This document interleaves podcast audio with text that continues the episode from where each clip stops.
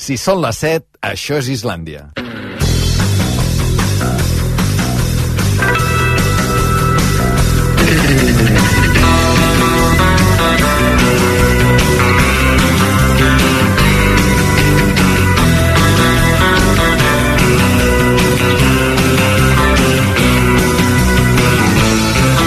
A RAC1 Islàndia, amb Albert Ong.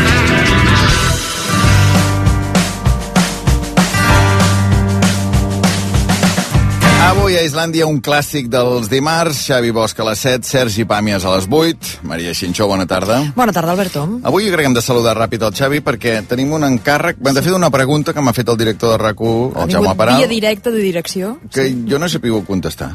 I jo tampoc, la veritat, perquè... mm, Acaba de passar això. Sí, està, té a veure amb un sobre que tenim aquí damunt la taula i que no és el sobre de la setmana, precisament. Sí, no, o sigui, la pregunta del Jaume Paral ha sigut molt senzilla. I, escolta, a veure, ja, el Xavi Bosch aquest any com s'ho juga allò que fa sempre a final de temporada? Aquell sobre que ha deixat per final de temporada, com s'ho jugarà? Quants medicinis hi ha allà dintre? I vam dic- Ai, ara mateix? Dic, quants hi havia? Dic, no sé, com que ja cada any fa coses diferents, dic, no sé, Xavi, bona tarda. Què tal, Albert? Passa que ho vam fer tant d'hora a l'inici de temporada que segurament no us en recordeu ni vosaltres, ni el director, lògicament, que altra feina té, però jo sí, eh? Jo ho tinc clar. Tu te'n recordes, perquè eh, sí que hem anat a recuperar el sobre, és un sobre blanc que posa top secret al marge dret. Això em fa molt riure. Islàndia, tot o res, per obrir el dimarts 11 de juliol de 2023, és a dir, l'últim dimarts de temporada, i entre parèntesis a sota posa vaticinis escrits, tancats i segellats el 6 de setembre de 2022. Em vaig passar d'hora. Eh, tot o res, eh, és això. Ja torno a aquella antiga fórmula que me la jugo en dos únics vaticinis. Si els endevino tots dos, continuo. Si el zero tots dos l'any que ve no continuo. I si hi ha un encert i una errada, hi ha un bonus track que desempata. D'acord. Perfecte. Perfecte. Vale. Ara, eh, grava tu, eh, Maria, perquè tornarà el Jaume Paral d'aquí unes setmanes i tornarem a fer el mateix paper que hem fet avui. Dos vaticinis. Dos vaticinis. Dos vaticinis, i si n'hi ha un que l'erra i l'altre l'encerta, bonus track. Bonus track, bonus track. Els encerta tots dos, continua la temporada que ve. Els falla tots dos al carrer. Al carrer. Al carrer. Però això Sí, no pot sí. pas passar. No, home, no, això Bo. no passarà.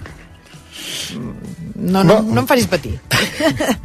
Pots, uh, és a dir, una pregunta. Digue'm. Ara mateix ja se sap la resposta dels dos vaticinis que, No. que hi ha posats? D'acord.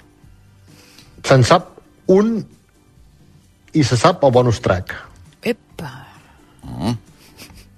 Interessant. Clar, una altra pregunta no contestaràs, no, Xavi? Si dius, escolta'm... Eh, Però tu prova-ho. Anem bé o anem malament?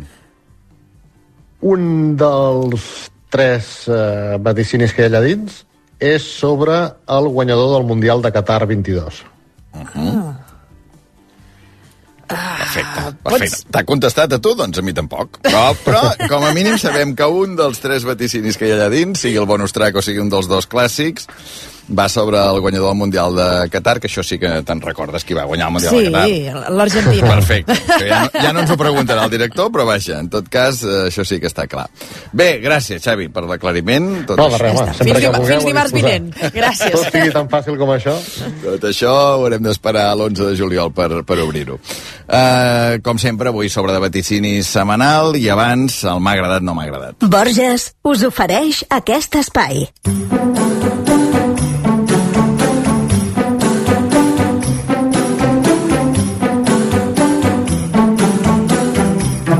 agradat. No m'ha agradat. M'ha agradat i m'ha emocionat veure a YouTube unes imatges que no havíem vist mai fins ara del Titanic sota l'aigua. És més d'una hora, pràcticament 80 minuts, de filmacions inèdites de la primera expedició, que és el que, de fet, va baixar i va filmar quan van trobar el Titanic el 1985. Són imatges, per tant, no només de fora del vaixell, sinó també de dins. I no és una recreació de pel·lícula, sinó que és l'autèntic. Apassionant. De moment, per mi, el millor document audiovisual d'aquest any. No m'ha agradat veure que ara també s'esberla l'ANC. 13 dimissions, 13 plega el vicepresident Pessa Rodona i de moment la presidenta Dolors Feliu continua enrocada. Les decisions dins de l'independentisme són tantes, a tot arreu, a totes hores, que començo a pensar que torna a ser una estratègia de distracció. Saps? I, igual que vam amagar les urnes i les paperetes i no les van trobar, ara també estem dissimulant. No sé per fer què, però dissimulant. Si no és així, és per engegar-los a tots a rodar. M'ha agradat el sentit de l'humor enorme que tenen els del Joventut de Badalona. Durant quatre dies, ja ho sabeu, es va jugar la Copa del Rei de bàsquet al seu pavelló, va guanyar l'Unicaja, organització impecable, tot plegat un gran espectacle, i al voltant de la pista, darrere de les banquetes, hi havia l'escut dels vuit equips participants. Què passava? Que en el plànol televisiu, just darrere d'una de les banquetes, just allà on se seia el Carles Duran, de la penya, hi havia sempre el gran escut del Barça. I el primer dia els devia fer mal als ulls. Total, que el segon partit de la penya, entre l'entrenador, el Carles Duran, i l'escut del Barça, què hi van posar? Doncs un enorme cubell d'escombraries per tapar l'escut. I així, d'aquesta manera, que no fos el taló de fons del Carles Duran, l'escut del Barça. Que el cubell hi feia lleig? Molt lleig, segurament, però s'estimava més allò que no veure l'escut del Barça que els fa tanta mania. Solució? Tapar-ho. Tapar-ho com el dolorós tap que va rebre el Joel Parra a l'últim segon del partit i que els va impedir d'arribar a la final. Una llàstima. No m'ha agradat que Enríquez Negreira no pugui declarar sobre el seu cas, la seva empresa i la seva relació amb el Barça perquè diu que té un principi d'Alzheimer.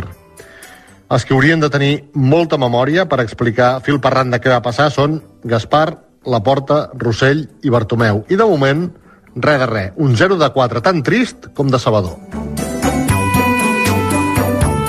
M'ha agradat anar a veure ahir al Liceu el Macbeth de Jaume Plensa.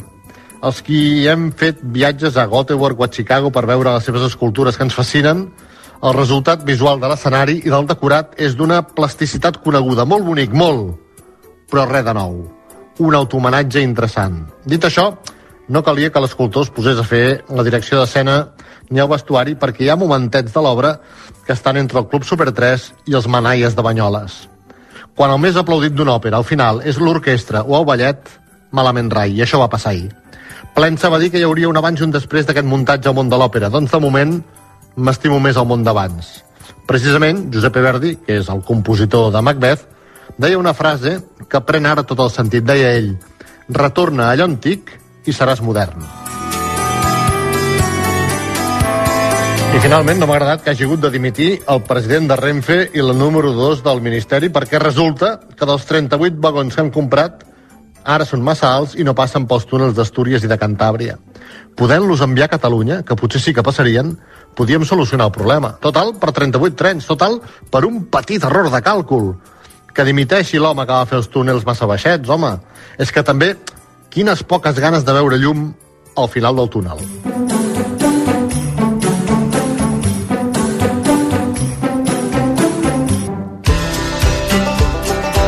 Fantàstic, doncs una setmana més ja hem pres nota, tots dos, eh, Maria? Sí, com sempre. Un clàssic, això també és un clàssic. També és un clàssic, Sí, també sí, és un sí, clàssic. I l'altre clàssic és aquest sobre de vaticinis, 7 i 8 minuts, que ja tenim a punt, el sobre de vaticinis setmanal del Xavi Bosch. Som-hi! Som-hi, venim d'un 6? D'un sis. D'un 6, Va, eh, sí, la setmana deu, passada. sí. Doncs a veure si superem això. Vaticinis per obrir dimarts 21 de febrer, és a dir, avui. El sobre aquest el va tancar el Xavi dimarts de la setmana passada a les 12 i 5 minuts. He trobat que ha sonat molt bé avui. Avui sí, avui ha anat, Sí, ha anat finet, una finet. cosa fina, sí, sí. Som-hi, com sempre, comencem amb els vaticinis esportius. Primer vaticini, Lliga, val dos punts. Després de tres partits sense ni un minut, contra el Cádiz és titular Eric Garcia. Els sobres de dimarts tampoc no va jugar dijous contra el United, i eren quatre partits, i contra el Cádiz, fent tàndem amb Christensen, titular Eric Garcia. Doncs ja tens els dos punts inicials, dos de dos. Feia dies que no començàvem així de Sí. bé, eh? Eh, sí, sí, sí. Dos de dos. Encara pot espatllar els seus Oh, vaticinis. I la, I la meva biografia, també. A veure aquest, segon vaticini, val un punt. Europa League, la distància entre el Barça i el United és màxim d'un gol. Barça 2, United 2, ni un gol de distància. Per tant, punt. 3 sí, sí, de 3. És que me l'estava tornant a llegir, però, però literalment és, És raro, correcte. sí, és, realment, la formulació és estranya, eh? És a dir, la distància entre el Barça i el United és màxim d'un gol. -huh. És a dir, si diu màxim d'un gol, Pot ser que no n'hi hagi cap, per eh, tant, pot ser que no hi hagi entra dins cap, el punt. que és el cas. Sí, Sí, sí. sí senyor. 3 de 3. O sigui, amb això el cas, diguem, era vaticinar empat o, vi empat o victòria mínima. Mínima, exacte. Era Sí, més fàcil senyor. dir-ho a la no, no, no, manera, no, no, Albert. no, no, està bé, està bé, està bé, que, que ho tornem a rellegir. Va, tercer vaticini, també val un punt. Champions. El PSG no pot guanyar el Bayern de Munic. I jugaven a París, i jugava Messi, jugava Neymar, va jugar la segona part Mbappé. No va poder, de fet, PSG 0, Bayern 1. Escolta'm, quina meravella, no? M'estàs dient que és un 4 de 4, sí, sí, de moment. un 4 de 4. Estem anant molt bé. No t'emocionis, Maria. Ai, A però veure, vaja, l'ha provat i el tens. quart i últim vaticini esportiu. Val un punt. Copa del Rei de bàsquet. El campió és... el Barça. No és que no fóssim campions, és que no vam arribar ni a la final, és que no vam arribar ni a la semifinal, és que vam caure el primer dia, això sí, contra l'Unicaja, que és qui va guanyar la Copa del Rei.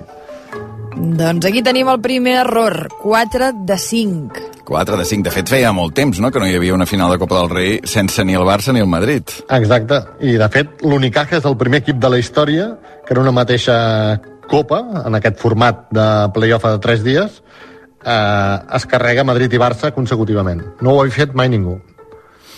4 de 5. 4 de 5 ara mateix. Anem a política. Cinquè vaticini, val un punt. Fa una reestructuració de govern Pedro Sánchez. Per sorpresa, ahir, i a més a més portada avui de la Vanguardia, ha hagut de dimitir la número 2 del Ministeri de Transports, com dèiem, la Isabel Pardo de Vera, i n'hi han posat una altra que no sé com es diu. No, no, no, no, no. Com no? Home, no, no, no està al govern.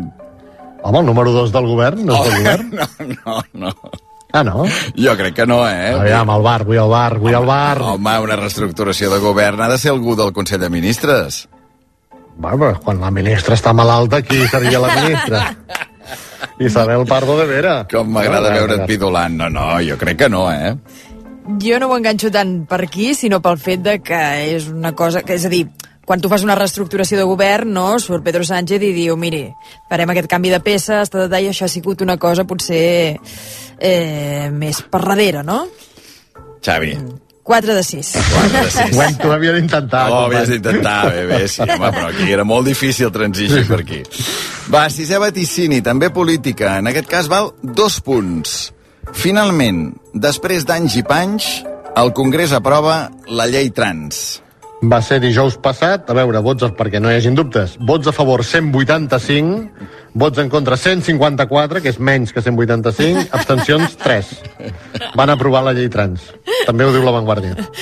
I tens aquests dos punts, 6 de 8. Per cert, el bar emèrit, eh, Jofre Llombard, eh, escolta'm, ens fa molta il·lusió que continuï escoltant-te i diu no punt, eh? Vull dir No? que sí, sí, que està absolutament d'acord amb la línia que, que ha expressat l'àrbitre principal. mèrit, quan no era mèrit era més generós. Però vaja. M'ha agradat molt el càrrec de bar emèrit. Bar emèrit, home, sí, sí, tant, Sí, això sí, sí, ja tant és per tant, sempre. tant. Per tant, eh, com anem ara? 6 de 8, que Sis de escolta'm, vuit. mm, ja, ja, almenys ja has igualat uh, la puntuació de la setmana passada. I queden dos clàssics de vaticinis, també. Queda l'obituari preventiu i queda el vuitè i últim. Anem per al penúltim. Obituari preventiu. Val un punt. La borsa no s'espanta si mor algú de la banca. Agafo Bloomberg del 17 de febrer i diu Desaparece Bao Fan, banquero chino, uno de los financieros más influyentes de China. I per tant, si és de Xina, és del mundo. Però la borsa no s'espanta, és a dir, no hi ha hagut caigudes a la borsa per la mort i desaparició de Bao Fan. Doncs, Què? escolta'm, és correcte. La borsa no s'espanta si mor algú de la banca, no? Doncs 7 de 9. Crec que aquí 7 de 9. Puntet per tu. 7 de 9. I vuitè i últim vaticini, Joan Carles de Borbó continua sent rei emèrit. I li queda una setmaneta menys per deixar-ne de, de ser. Escolta'm, hem acabat amb un 8 de 10. 8 de 10, que podia ser un 9, segons la generositat Oh! de l'Albert. Bé, bé. Ens hem refet. Ja, ja tocava, tu. Que ja t'he comprat el banquer xinès aquest Sí, a sí. cegues, eh? Vull dir que... que ens estem refiant d'aquest de- de- Sí. article a Bloomberg, Posa-ho no? a Google, posa-ho a Google mentre van els anuncis de Borges. Com Posa-ho has, dit, com has dit que es deia? Bao, Bao, amb B alta, B-A-O, Bao, fan. fan. Bao Fan. Sí, com un supporter del Liverpool. Ara t'imagines que ens l'hagués fotut? Vull dir que s'ho acaba d'inventar. El nom i Això tot. encara no ha passat, però mira, no ho descartis. Mm, ¿Quién es y cómo se hizo millonario Bao Fan? El magnate desapareció Bao Fan, Ah, ah, vale. el multimillonario fundador del banco, bla, bla, bla, bla. El món en va ple. Sí. El món en va ple, sí, sí. No es va parla de res més. Misteriosa, Enrique sí, sí. La BBC, i- la BBC, escolta'm, vaja. Sí, eh? Si ho diu la BBC... Endavant. Xavi, un 8, un 8, gran Que nota. vagi molt bé. Sí, senyor. Uh, la setmana que ve més. I tant. Adéu. Una sorpresa, adéu-siau. Amb Adéu. sorpresa? Bueno, Sí. ja, ja ho veurem. Ja ens ho trobarem la setmana que ve. Exacte. Adéu. Cuidar-se és el més important. A Borges sempre et portem els productes més naturals perquè cuidem la terra que ens els ofereix i els elaborem de la manera més sostenible possible, com la nova ampolla d'oli feta en plàstic reciclat. Borges. Islàndia, amb Albert Ong.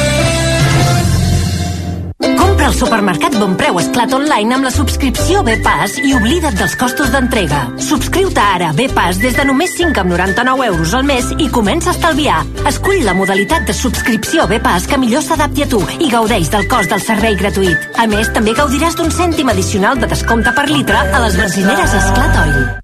Els vostres alumnes de primària són creatius? Coneixen bé Catalunya? Participeu en el concurs organitzat per Cruïlla Pluja d'Idees fent un cartell o un vídeo amb el més destacat de la vostra localitat. Cruïlla premiarà una escola per província i un Premi Especial Catalunya. 3.000 euros de premi per l'escola.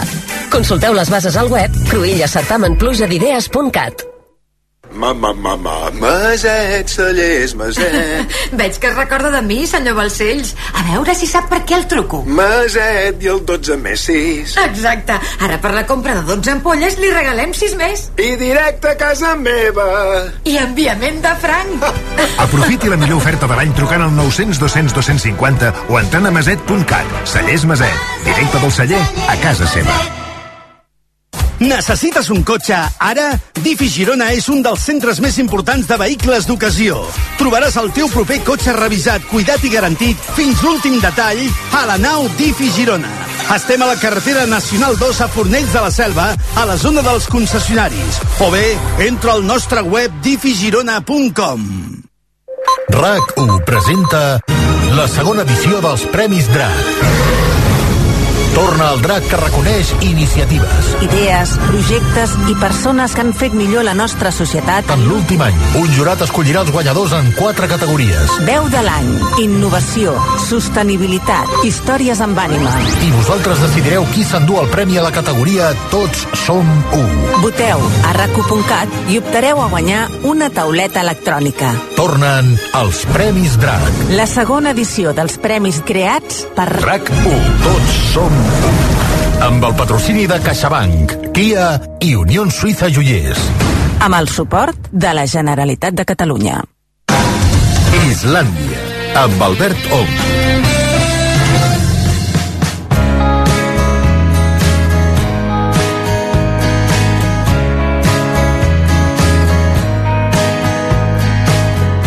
Un quart de vuit i tres minuts, avui Sergi Pàmies a partir de les vuit a Islàndia, però ara un llibre que intenta posar llum a la foscor d'un crim a la Barcelona de fa 100 anys.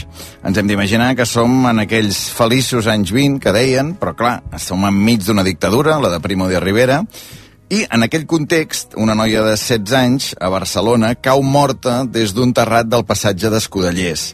La pregunta és, l'han matat amb aquesta noia o s'ha suïcidat ella? El llibre es diu La mort misteriosa de Dolors Bernabéu, l'ha escrit Josep Sala i Collell, un català que treballa de professor d'institut a Noruega. Josep Sala i Collell, bona tarda. Bona tarda, Albert. Molts dies, molts dies aquí? Uh... No, aquesta setmana. Eh, just tenim la Setmana Blanca, fem una pausa i aprofitar per baixar i venir a parlar del llibre. Però a Noruega no és Setmana Blanca tot l'any? Eh, o tot l'hivern, com a mínim? Bueno, allà en diem eh, vacances d'hivern. Ah, vacances d'hivern, perfecte. Escolta'm, um, anem, anem a... ja anirem a Noruega després, però primer, qui és la Dolors Bernabéu? Qui és aquesta protagonista del, del teu llibre? La Dolors Bernabéu eh, era una noia jove, nascuda al que llavors es deia el barri Xino, actualment al Raval, d'una família obrera, de pares valencians, una noia molt guapa, que com a mecanisme d'ascens social va trobar doncs, eh, la prostitució i també fer-se amb nois de la classe alta. Com feien moltes noies d'aquella època, anar a cabarets, anar als restaurants, alternar. Alternar, sí, sí, aquesta Exacte. paraula alternar, que a més a més es combina en el llibre amb una, amb una altra paraula molt de l'època, diguem, no? Que és una casa de dispeses, diguem, no? Exacte, i ella vivia en una casa de dispeses que era, si entre pensió i casa de barrets, allà hi havia unes noies, regentada per una madame francesa, i un divendres d'agost de l'any 25, eh, Dolors entra a casa seva i al cap d'una hora i mitja cau dalt a baix de l'edifici. I aquí comença un dels grans misteris i un dels grans, grans casos mediàtics de la dècada de 1920. Clar, han passat 100 anys, no ens ha arribat aquest cas directament a nosaltres, però pel que expliques al llibre, pel que retrates, va ser un cas immensament popular a l'època, eh? Exacte, en van parlar tots els diaris, eh, se'n va parlar a la premsa de Madrid, a la premsa francesa, va provocar que hi anessin detectius aficionats, perquè el misteri era fantàstic. És a dir, eh, la noia cau de l'edifici, s'hi presenta la policia, la mestressa els diu que la noia s'ha suïcidat, ha pujat al terrat i s'ha llançat d'alta baix i ha deixat una nota de suïcidi a l'interior d'una bombonera a la seva habitació. Tot i això, en aquell mateix moment estan examinant el cos a la casa de socors eh, del carrer Marquès de Barberà i allà descobreixen que la noia té un orifici a l'esquena, que podria ser una ferida de bala. Per tant, des del primer moment, des de la primera notícia que surt l'endemà al diari de la publicitat, hi ha aquest misteri. Suïcidi o assassinat. I això fa volar la imaginació dels barcelonits d'aquella època. A més, estem parlant de barri xino, de les tenebres que ells parlen, la sordidesa d'aquest districte, que tothom veu com una pesta moral, però a la vegada tothom freqüenta i tothom va en els cabarets i en els... Eh, i, i en els bars i en els restaurants eh, a passar l'estona. Clar, perquè ens hem d'imaginar un barri xino, diguem, on hi va tothom, diguem, hi va també la classe alta de Barcelona en aquell moment, eh? Exacte. Allò que fa especial el, el barri xino de Barcelona, fins i tot ara, és que s'hi barregen totes les capes socials. Tens des de la noblesa, la burgesia, eh, classe treballadora i les classes més pobres, perquè els immigrants quan arribaven a Barcelona és allà on s'instal·laven, és allà on trobaven un habitatge assequible. I allà hi van escriptors, hi va Josep Maria de Sagarra, hi va tothom. Hi van europeus a fer una mena de turisme de sordidesa i llavors n'escriuen les seves novel·les també sobre aquesta Barcelona amagada. Turisme de sordidesa, eh? que això continua existint a dia d'avui, eh? han passat 100 anys. Dues coses que he pensat llegint el llibre. Per exemple, una, uh, hosti, a quanta gent que va viure aquella dècada i que ara ja són morts, els hi hauria agradat llegir aquest llibre que has escrit, Josep, eh, La mort misteriosa de Dolors Bernabéu, perquè finalment, si arriben fins al final, haurien aclarit moltes més coses d'allò que els va portar de corcoll durant tants anys, no? Exacte, la veritat no es va publicar mai, no es va poder publicar mai. Eh, es va publicar a França, hi havia uns fulls clandestins que circulaven per Barcelona que explicaven què havia passat, però la premsa eh, va tenir prohibit per la censura de la dictadura eh, publicar-ho. Sí, eh, el cas va ser molt famós, en van fer obres de teatre, surt a l'obra en una novel·la de Maria Aurèlia Capmany, eh, surt en una història de Pío Baroja, però la guerra i el que va venir després va trencar la memòria d'aquest crim. Això per una banda, deia, i per l'altra també, pensant en ella, pensant en la Dolors Bernabéu, amb aquesta nena de només 16 anys que va morir a l'agost de 1925, penses, hosti, mm, que poc s'ho devia imaginar que 100 anys després, pràcticament, vindria un escriptor, el Josep Sala, que viu a Noruega, i que diria, hòstia, rescataria la meva memòria i, i li faria d'alguna manera justícia amb aquest llibre, no? Això també hi ha una part molt, trobo molt emotiva amb això. Sí, hi ha països que tenen una tradició molt llarga d'explicar crims històrics. Anglaterra, per exemple. Ells també tenen l'avantatge que poden anar a l'arxiu judicial de torn i troben el sumari de fa 250 anys, cosa que aquí no he trobat en lloc. Sí, jo faig una cosa al llibre, eh, a l'últim capítol, que és un càlcul que vaig fer, i vaig pensar, Dolors Bernabéu va morir l'any 25, que per nosaltres és una època, fa 100 anys, és una època ja totalment passada, però hauria pogut veure perfectament els Jocs Olímpics de Barcelona. Clar, perquè tenia 16 anys, vol dir que havia nascut el 1909... Si... N'hauria tingut 83. 83, sí, sí, clar. Per tant, hauria pogut ser contemporània nostra. El que passa, i ho dic, són molts, però tampoc són tants. I moltes dones ja, ja arriben a aquesta edat, ja arribaven a aquesta edat. Sí, sí, clar, Per mira, tant- la, la meva iaia era del 1909, va morir el 2001. Exacte. És a dir, era nascuda el mateix any que Dolors Bernabéu, però clar, va, va morir amb 91 anys i la Dolors Bernabéu, la protagonista del teu llibre, mor amb 16 anys, diguem. Exacte, per tant, aquesta història que ara sembla tan remota, eh, en el fons no ho és tant. Hi ha aquest lligam amb el món contemporani. I també passa en un moment que, que hi ha històries que encara les recordem. Per exemple, en aquests moments el Futbol Club Barcelona està clausurat perquè el públic ha xiulat l'himne espanyol a l'estadi i en canvi ha aplaudit la marxa reial anglesa perquè juguen un partit d'homenatge a, a l'Orfeó català i fan venir una banda anglesa d'un vaixell de l'armada britànica que és en el port i toca l'himne espanyol, el xiulen i llavors el Milan del Bosc aquell Milan del Bosc Que era l'avi del que va treure els tancs a València el 23F, que, Ah, és, que és exacte. aquesta setmana, el 23F, l'aniversari. clausura al Camp Nou i és quan Joan Gamper ha d'anar a l'exili i això li provoca els problemes de salut i de depressió que fan que al cap de molt pocs anys eh, se suïcidi. Clar, tu dius, per exemple, eh, aquest és un punt de contacte, diguem, un punt que ens sona, ens sona actual, diguem, no, això? Però dius que la dècada dels 20, és a dir, fa eh, 100 anys, en molts aspectes no és gaire allunyada de, de l'actual. En quins aspectes, per exemple? És una dècada de modernitat, és una dècada de revolució. Uh, mira, l'any 24 comencen les emissions de Ràdio Barcelona. Sí, senyor, l'any que ve farà 100 anys. Exacte. Uh, és quan s'obre el metro, Uh -huh. s'organitza el taxi. És possiblement la primera dècada que si un barceloní d'ara aterrés en aquella ciutat, podria més o menys entendre com funciona. Sí. Hi havia tramvies, per exemple, Tramvies, la ràdio estava això des del 24, metro...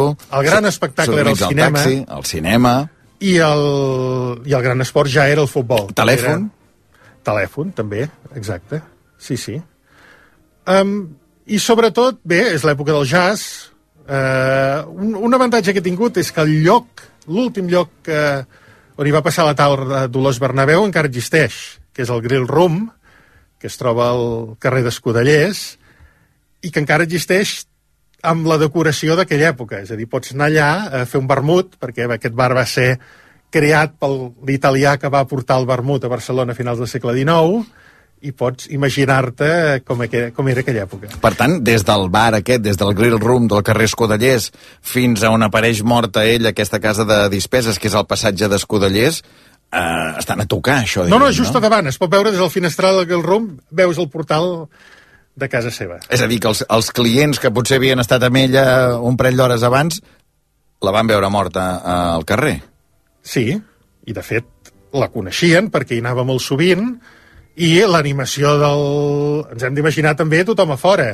És un, és un divendres eh, d'estiu. Per tant, les porteres han tret la cadira per parar la fresca, hi ha molta gent amunt i avall, i el grill room també fora té les petites tauletes perquè la gent hi fa el cafè copa i. Com era aquest grill room de fa 100 anys, diguem? Quin, quin tipus de gent hi anava? Quina decoració hi havia?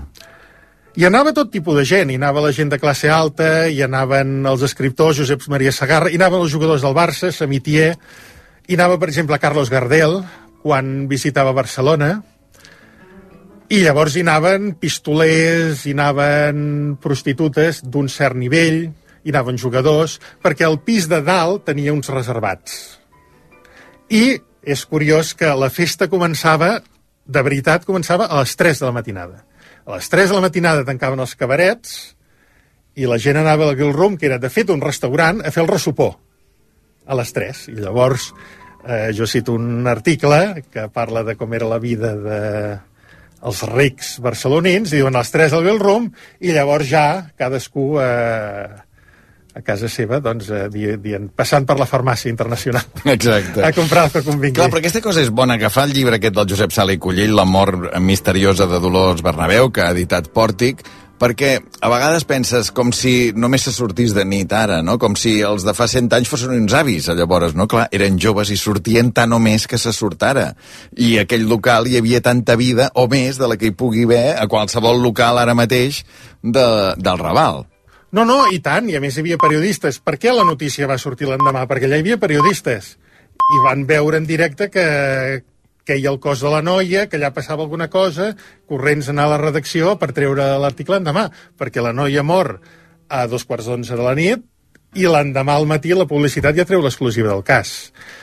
Sí, era una, una, una gentada i un tràfic constant de gent, sí, sí, no és pas res nou. Clar, hem parlat de la premsa, ha sortit ja un parell de vegades als diaris de l'època. És interessant també el retrat que fas, perquè, clar, eh, tu ho has dit, eh, no has trobat l'expedient judicial que et permetés reconstruir què va passar. Per tant, ho has hagut de reconstruir a partir, sobretot, del que em van explicar els diaris a l'època.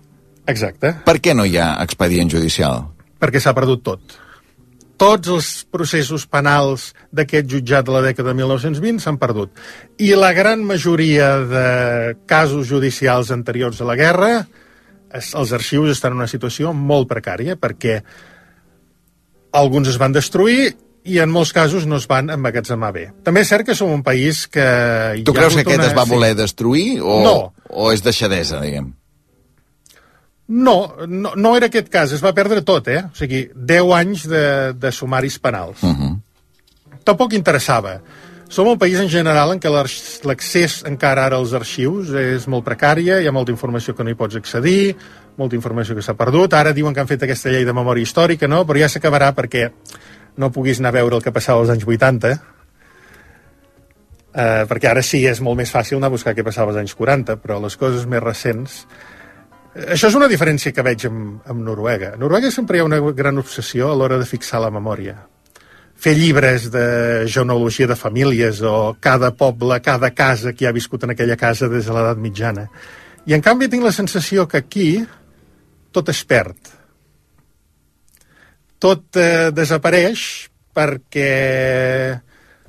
Sí, hi ha gent que no parla, hi ha gent que no diu la veritat, i, eh, i el fet d'escriure fa 100 anys, penso, quan algú d'aquí 100 anys vingui a buscar la nostra època, no sé, com era el pujolisme, per exemple, trobaran el que han de trobar, es faran una, una idea exacta d'allò que vam viure nosaltres o només trobaran uns documents aquí, uns documents allà, quatre coses, però mm, al final res. Mm -hmm.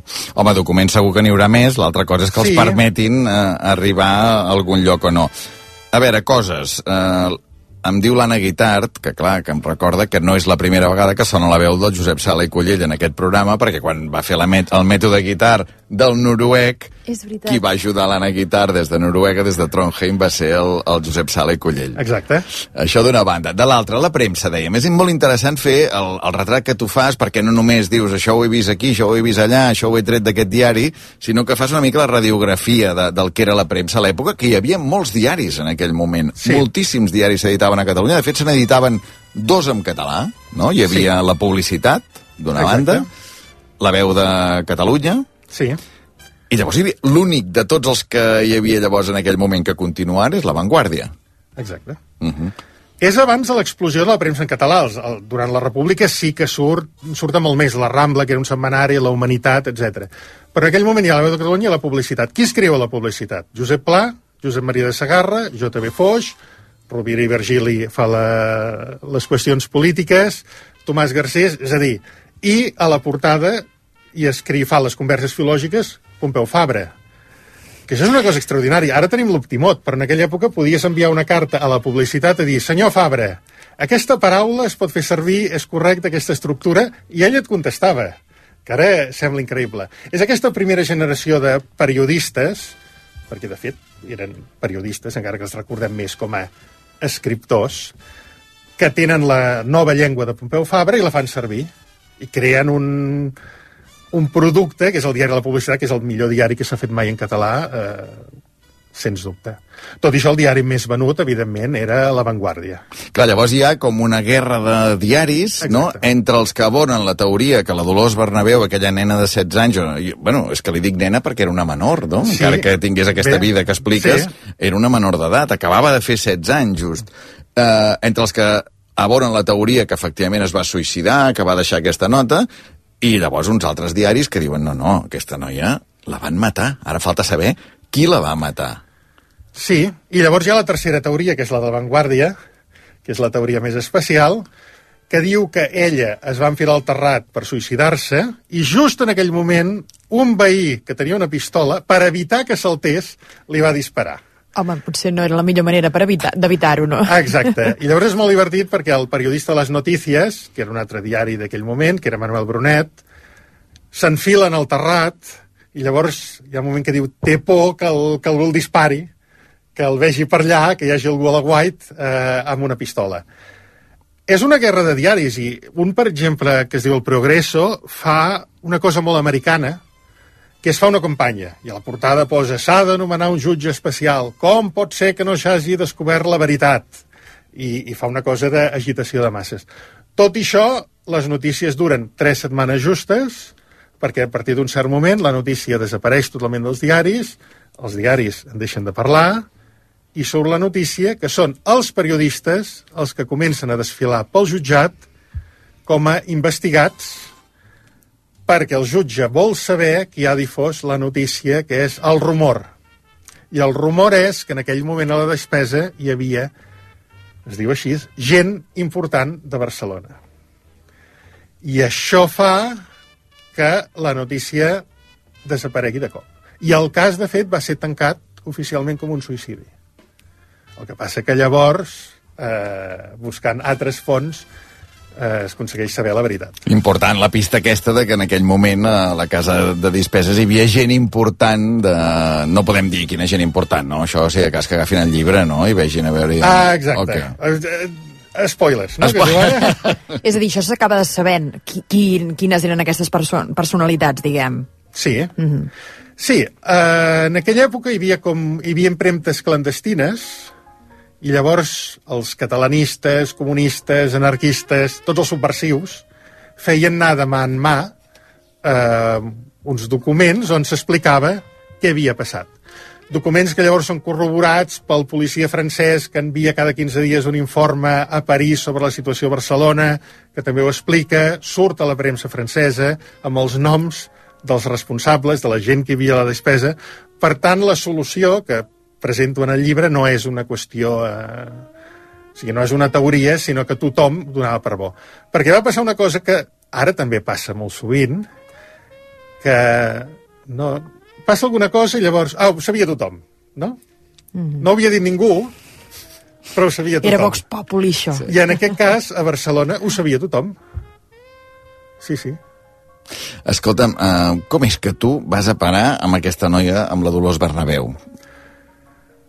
Ara és molt fàcil perquè gairebé tots els diaris antics estan digitalitzats i vaig anar a buscar la publicitat, que és on hi publicava Josep Pla, els seus articles, molts dels quals continuen inèdits, i remenant aquells exemplars sempre veia que els successos sempre eren un o dos paràgrafs d'articles curts. I de sobte veig a la publicitat que diu La mort misteriosa de Dolors Bernabéu, n'he agafat el títol, pel llibre, dues o tres columnes explicant tot tipus de teories, situacions. Som a l'inici també de la investigació criminalística moderna. 10-15 anys abans no hauria sigut així, però aquí ja estem amb peritatges cal·ligràfics, eh, peritatges balístics, diverses autòpsies... Hi ha una visió científica de la investigació.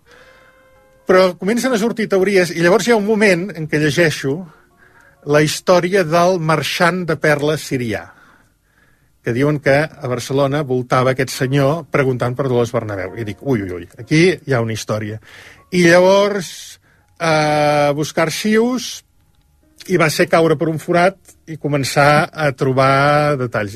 Per exemple, eh, sense dir això, en aquest cas hi ha involucrat un jutge, evidentment, doncs el fill d'aquest jutge és el guàrdia civil que va assistir a l'execució del president Companys.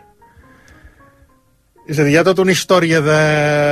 tota una sèrie de narratives secundàries que són molt interessants i que em serveixen per completar la història. A tu t'interessava més el true crime, que n'hi diuen ara, o t'interessava més aquella dècada dels anys 20, retratar aquella Barcelona, que no oblidem, a més a més, que vivia sota una dictadura, eh? que una altra cosa que quan acabes el llibre, diguem, te n'adones i arriba, dius, escolta, que de dictadura al segle XX aquí hi va haver gent que en va patir dues, una de 40 anys i una altra més curta, afortunadament, la de Primo de Rivera, que és aquesta en la que passen aquests fets. T'interessava més el true crime o l'època? Potser l'època, però el true crime és un gran mecanisme per explicar una època o per explicar una societat. I, evidentment, moltes de les coses que passaven a la repressió contra Catalunya són coses que ens podem aplicar avui mateix. Sí, eh, ja et dic, hi ha aquesta tradició de true crime eh, històrica en molts països, havia nosaltres gent a no la- la tenim. Hi havia gent a l'exili, també. Sí, el coronel Macià, i de fet estava fent una campanya que es deia Llibertat presos polítics, perquè van detenir molta gent, perquè l'any 25 una altra cosa que passa és el complot de Garraf, que és aquella colla de catalanistes, no gaire espavilats segurament, que intenten posar una bomba al tren que porta el rei Alfons XIII quan passava per les coses del Garraf. Hi ha un delator, els hi surt malament, però allò provoca unes detencions massives que fa que des de França eh, Macià engegui aquesta campanya. I llavors hi ha molts de documents que explica les tortures que viuen a la presó, eh, les condicions de la detenció... Um, sí, hi ha moltes semblances. El true crime deies que aquí no hi ha la mateixa tradició que hi pot haver a Noruega, per exemple. D'històric. Evidentment, ara en Carles Porta ha portat el... i molta altra gent parla molt sovint dels crims actuals, que també serveixen per explicar com és la nostra societat, com funciona la policia, com funciona la justícia. Però també val la pena parlar d'aquestes històries. També perquè la dècada dels 20, o el període entre guerres, és un període que ens enlluernes. Potser l'època daurada de la cultura catalana, no ho sé. És un període fabulós d'escriptors, de músics, d'artistes, d'actors, d'un contacte constant amb, amb, amb França, amb Nova York, la gent viatja, volta per Europa amb tren, i, i som molts els que estem enlluernats per aquesta època. I està molt bé parlar-ne des de l'acadèmia i fer-ne tesis doctorals i fer-ne articles eh, més formals, Però també des del carrer d'Escudellers, diguem, Exacte, fer una cosa més popular. També n'hagués pogut fer una novel·la d'aquesta història, que també era una possibilitat, però vaig pensar que aquest gènere em servia millor per retratar l'època. També perquè és una època que en sabem molt poca cosa. Ens, ens falta també material. No sé, quan veig la sèrie Babylon Berlin, que passa al Berlín d'aquells anys, penso, es podria fer això sobre Catalunya. Quan miro Babylon Berlin sempre busco per allà al fons que dic Josep Pla deu ser... Perquè Oi, doncs algú que, Berlín. algú que agafi aquest llibre i el converteixi en sèrie. A veure. A veure, a veure. Escolta'm, Josep Sala i Cullell, que això que et seguim, que vas publicar ja el 2020 aquest llibre Generació TAP, que sabem que estàs a Noruega des de fa quants anys? Uf, des del 2006, o sigui, 17 anys. Des del 2006. Soc noruec, de fet. Tens la doble nacionalitat? No, només tinc la nacionalitat noruega. Ah, sí? Com sí, perquè, això? perquè en aquell moment Noruega no acceptava la doble. O sigui que... Però llavors que has, has com d'apostatar de la nacionalitat Sí, espanyola sí, que vaig anar a tenies? l'ambaixada espanyola a Oslo i vaig- vaig firmar unes actes notarials davant del cònsul dient que renunciava a, a ser espanyol. Això em sembla molt fort, això, no sabia que passés així. Sí, ara Noruega l'accepta. I, de fet, si has nascut aquí, sempre pots anar a tornar-la a demanar i és molt fàcil. Però en aquell moment no l'acceptava, hi va haver unes eleccions al Parlament, no vaig poder votar, jo sóc mestre, dic, com és que no puc votar? Jo he de poder votar. A les municipals, si ets europeu, ja tens dret de vot. O sigui que vaig dir, no, al final eh, faig noruec, va ser un procés llarg, perquè has de fer un examen escrit, has de fer un examen oral de coneixement de l'idioma, has de fer un examen de cultura general, um, sobre història, política, tot això, o sigui, tres exàmens. Recordes alguna pregunta de l'examen aquest de Sí, cultura de quin general? any és la Constitució, per exemple. I de quin any és? Uh, 1814. Aquesta és fàcil, perquè a més és 100 anys més. Que... Per tant, Josep Sala Collell, si ara aquí et paren i et diuen què ponen tu DNI... Res, No en tinc. res, tinc una targeta d'identificació molt maca i un passaport que ara no el porto, que a més és de color salmó, o sigui que molt ben trobat. Per què hi vas anar a Noruega? a estudiar un any a la universitat, un clàssic. Ja hi coneixia gent, perquè jo el 2000-2003 vivia aquí molt a prop, aquí al barri de les Corts, i va viure amb nosaltres eh, una companya de pis que era noruega i ens va parlar de Noruega. Trondheim, dic, Noruega, Trondheim, uf, uf, què és això? I ens va explicar, l'altre company de pis se n'hi va, anar, se va dir, vaig a fer un Erasmus allà. I jo que ja estava treballant vaig dir, va, també tinc la cosa aquesta d'anar a viure fora. Recordo un company que em va dir fes-ho abans dels 30 anys perquè després dels 30 ja no ho faràs. Vaig dir, doncs va. I amb 27 anys me'n vaig anar un any a Noruega. Vaig fer un any, vaig dir, està bé això, m'agrada, va, faré un altre any. Vaig trobar feina de professor d'institut, ja tenia una mica d'experiència, i docent, però no en un institut de batxillerat, eh, que necessitaven un professor de castellà, no trobava ningú, Josep, vols fer-ho? Vinga, s'ha de provar. Vaig fer la primera classe, vaig fer la segona classe i vaig dir, això, això és el que m'agrada fer a la, vida, ser professor d'institut. I continues fent de professor de castellà? Soc professor, ara dono més matèries, dono geografia també. Per tant, la dones en noruec, la geografia. Sí. Uh Mhm. -huh. Home, si al Bueno, cap de... perdona. És que és noruec, és que és noruec. Bueno, és el noruec. home, jo què sé, escolta'm. Sí, sí. O sigui, una escola trilingüe i la dongui amb, amb una altra No, no, llengua, no, no ho tot sé. en noruec. Trondheim eh, està bastant lluny d'Oslo, no? Sí. Però és una ciutat bastant gran. 200.000 habitants. És la Girona de Noruega. Tenim un riu, hi ha unes cases de colors, hi ha una catedral. És la capital històrica de Noruega. Uh -huh. És on hi ha la catedral, que és el símbol de la cristianització i de la unificació del país. Sí. Noruega és un país molt gran, unes distàncies enormes, i cada racó era molt aïllat de la resta. Uh, la segona ciutat del país, Bergen, si vols anar de Trondheim a Bergen, diu, ah, és a la costa. No, allà tants de fiords que has d'anar fins a Oslo i llavors pujar fins a Bergen. O sigui, amb tren, a mi m'agrada molt voltar amb tren, no sé, deuen ser 16, 17 hores. I has fet família allà? Diguem? No, No. no. Però d'allà no et mouen o té una data de caducitat, això? És a dir, el mateix que et va dir allò fes abans dels 30 anys, et dirà tornaràs abans dels 50, perquè si no ja no tornes. No, a veure, ara l'emigració és molt diferent que la de fa molts anys. Uh, tinc un peu a cada banda. Jo visc allà poder 9 mesos l'any. Dono les meves classes, estic molt bé, el meu institut molt tranquil. Els companys de feina em diuen, què, te'n vas a, a Girona ara de vacances a relaxar-te? Jo dic, no, no, no, jo a Noruega he vist molt relaxat. Jo vaig allà a posar-me nerviós, arribo aquí, trànsit i la gent que crida, i he de fer tràmits, i jo els pares a fer tràmits, llavors tot costa, i llavors així no oblido el... d'on vinc. Des d'allà també et poses nerviós amb l'actualitat catalana, diguem, o, o hi ha una distància, diguem, també al haver una distància física també fa que mentalment no, no, no t'irritis tant? No, la distància hi és. Uh, home, l'1 d'octubre vaig patir molt. Perquè, clar, jo era allà, tens els pares al col·legi electoral, et truquen i et diuen ara ve la policia espanyola, eh, hem de penjar, i aquell moment dius, ui, a veure què passarà aquí. No, no en general no, no m'enfado gaire. Però sí que és cert que hi ha aquesta distància. El que passa que ara, com que he fet algun llibre i col·laboro també a VilaWeb, doncs això em fa estar més connectat al que passa per aquí. Mira, ens escriu la Núria Benet, diu quina il·lusió escoltar aquesta entrevista. El meu fill marxa a viure a Oslo d'aquí 10 dies i va estudiar un màster. Mm, diu, espero que no s'hi quedi tant de temps. Ara anava a dir, doncs, escolta'm, ja, ja pots anar patint perquè ell hi porta 18 anys, eh? Noruega, suposo que és en tots els països. Però o t'agrada molt o no t'agrada gens. Perquè és dur. Sobretot la foscor a l'hivern. Clar, i a Trondheim, que som encara més al nord d'Oslo, això que el sol surt a dos quarts de del matí i es pon a les dues eh, i a les tres ja és negra nit, això costa.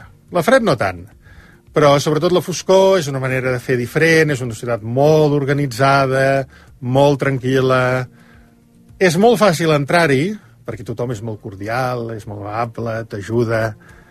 Són fantàstics els noruecs. Però si no t'enganxa, en, en marxes ràpid. Jo conec força gent que ha arribat i no, no s'hi ha adaptat. Ara, si t'agrada, clar, enganxa. Però és a 3 hores d'avió, al final. I hi ha 3, 3 o 4 vols diaris Oslo-Barcelona. O sigui que tampoc és tan lluny. Doncs heu sentit la conversa amb l'escriptor noruec Josep Sala i Collell, La mort misteriosa de Dolors Bernabéu, aquest uh, true crime, aquesta novel·la que se'ns emporta cap a la, aquesta novel·la investigació, diguem, que se'ns emporta a la Barcelona de fa just 100 anys, al carrer Escudellers, quan va morir aquesta noia amb circumstàncies misterioses, la Dolors Bernabéu. Josep, un plaer que hagis vingut avui a Islàndia. Moltes gràcies. Ara tornem, pausa, ens posem al dia i de seguida Sergi Pàmies. RAC 1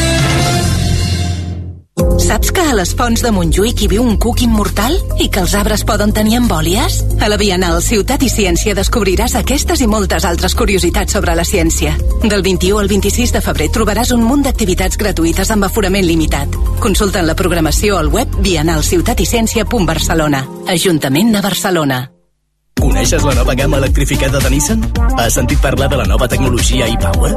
Vine fins al 25 de febrer a provar un dels nostres nous models i entraràs al sorteig per aconseguir un dels 50 forfers dobles que sortegem per passar un dia a la Molina. Consulta les condicions a la web dels concessionaris adherits. Nissan Romauto, Nissan Motor Llançà i Nissan Santi Enrique. Des de WhatsApp tenim una pregunta. Are you ready? Are you ready per portar el teu anglès a un altre nivell i menjar-te al món? Per canviar de feina? Per veure sèries en versió original? Per lligar aquest estiu? Are you ready per WhatsApp? Vine a conèixer-nos a les portes obertes el 25 i 26 de gener i descobreix tot el que t'espera. Més info a whatsapp.es. WhatsApp, welcome to the English Revolution. Primer, les rebaixes. Després, el més blanc. Arriba la mallorquina rematada final amb descomptes de fins al 60%. Tovalloles, barnussos i estovalles i molt més. Més descomptes fins al 60% ja a la botiga La Mallorquina que tinguis més a prop o a lamallorquina.com.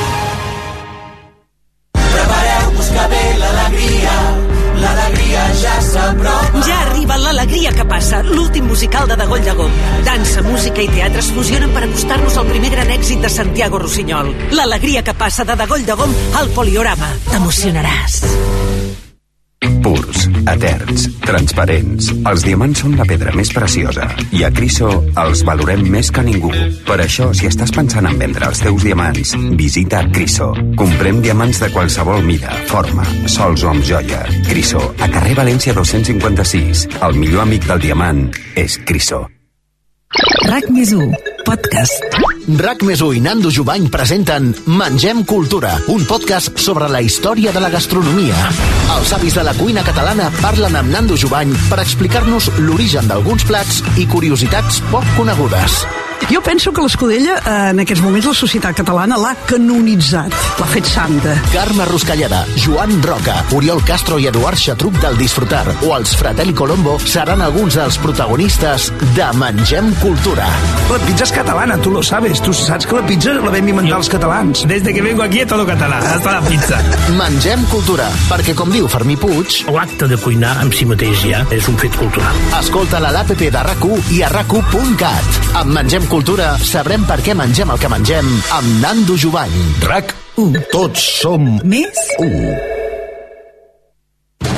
Mundo Deportivo és molt més.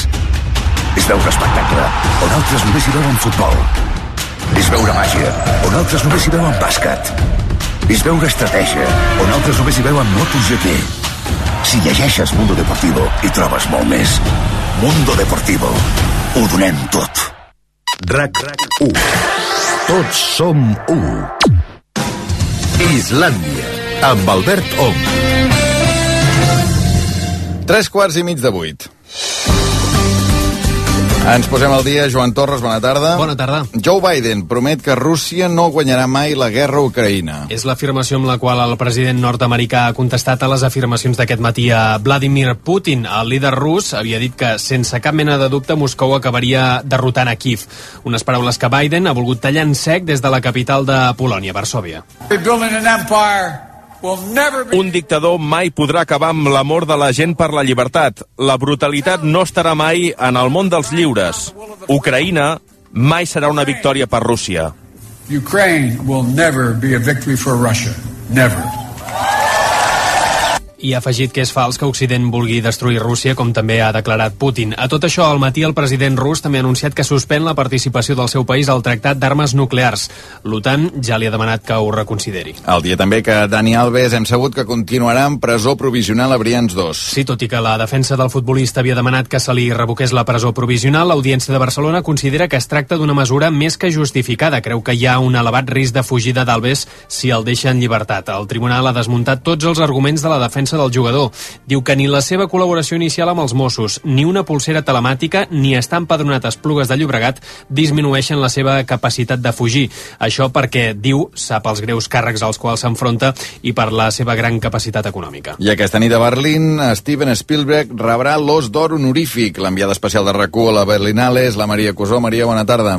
Bona tarda. Expectació màxima aquí a les portes del Berlinale Palace per veure desfilar d'aquí una bona estona Steven Spielberg per la catifa vermella. El director ha estat al centre d'atenció durant tot el dia aquí a Berlín amb fans esperant a les sortides de l'hotel i cua de més d'una hora i mitja per assistir a la trobada que ha fet amb la premsa aquesta tarda. Una trobada on el director de pel·lícules tan emblemàtiques com Tauró, E.T. o Jurassic Park ha demostrat que és un nen en el cos d'un adult i que el secret per fer una bona pel·lícula és un bon guió. El consell que sempre dono és no tant sobre com fer plans interessants, sinó com reconèixer històries interessants. Sempre he dit que excel·lent en el paper, excel·lent a l'escenari, perquè són les històries les que fan que el públic et presti atenció, no els plans. Not the shots. Spielberg s'ha mostrat emocionat de rebre l'Os d'Or honorífic aquesta nit, ha dit, i ha explicat que un dels projectes de futur en els que treballa és l'adaptació d'un guió sobre Napoleó escrit per Kubrick per HBO. Gràcies, Maria. Gràcies, Joan. Que vagi bé.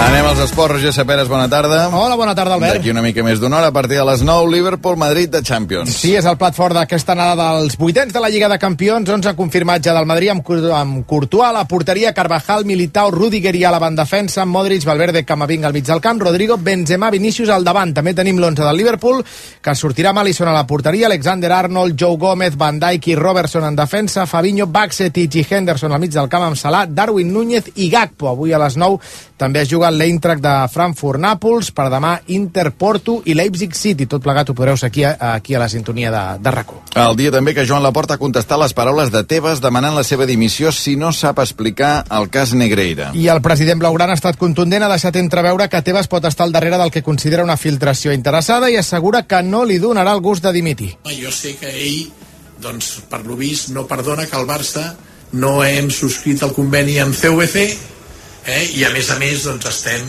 defensant les posicions de fer una Superliga.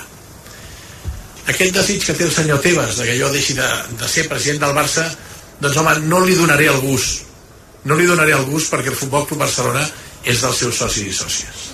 Joan Laporta ha explicat que durant la seva etapa com a president del club es van fer pagaments justificats a Negreira perquè el suport documental i de vídeo existia. El president Blaugrana ha reiterat que s'ha encarregat una investigació amb bufet d'advocats independent del club per mirar d'esclarir el cas. Queden molts capítols d'aquest cas, eh? molts.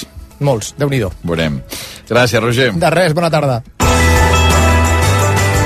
I el temps, a veure, Caral, bona tarda. Bona tarda. Es va costant. Es va costant... Ah, es, deu estar plovent a algun lloc Sí, per això, no? tenim plogims que han anat caient en les últimes hores aquí i allà, sobretot comarques de Lleida i Tarragona, però també en alguns sectors eh, de les de Barcelona. Plogims de fang, eh? Pluja de fang, eh, quatre gotes que han embrutat, són el preàmbul dels ruixats amb més cara i ulls de demà, que també seran de fang. Eh, al matí pot aparèixer alguna coseta ja abans del migdia cap al Pirineu, prepirineu, però serà aquí, àrea del Pirineu, prepirineu, on al migdia, hora de dinar, aniran apareixent ruixats que amb el pas de les hores afectaran també molts altres sectors de les comarques de Girona, fora d'aquest àmbit, d'aquests àmbits de muntanya, també Catalunya Central, poden arribar eh, cap al Vallès, altres sectors del prelitoral de les comarques de Barcelona, alguna coseta pot arribar a caure cap al Pla de Lleida, algun xàfec menys important, i també entorn dels ports. Cota de neu 1.600-1.800 metres, i el que dèiem serà eh, doncs, neu bruta a partir d'aquests 1.600-1.800 metres i puja de fang que la resta. Si algú avui ha netejat el cotxe, doncs que sàpiga que demà eh, maleirà els ossos. Sí, no, no ho recomanes, eh? Però els tu- en el túnel no, eh? De moment no. Eh, després sí, després el, faran l'agost els túnels de, de rentat, perquè que això, doncs, eh, molts cotxes quedaran ben bruts demà,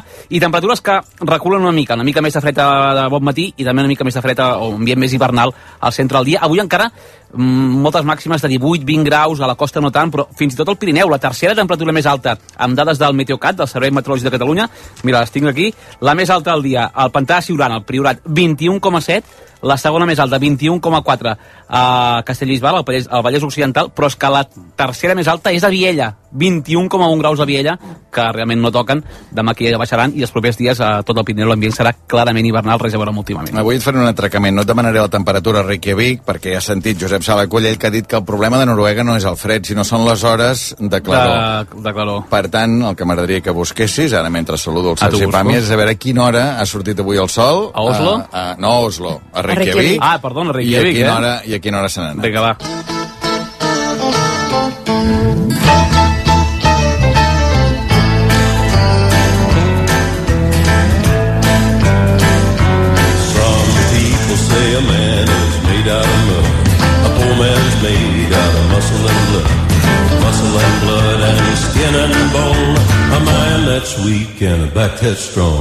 Sergi Pàmies, bona tarda. Bona tarda. Quina hora creus que deu haver sortit avui el sol a Reykjavik?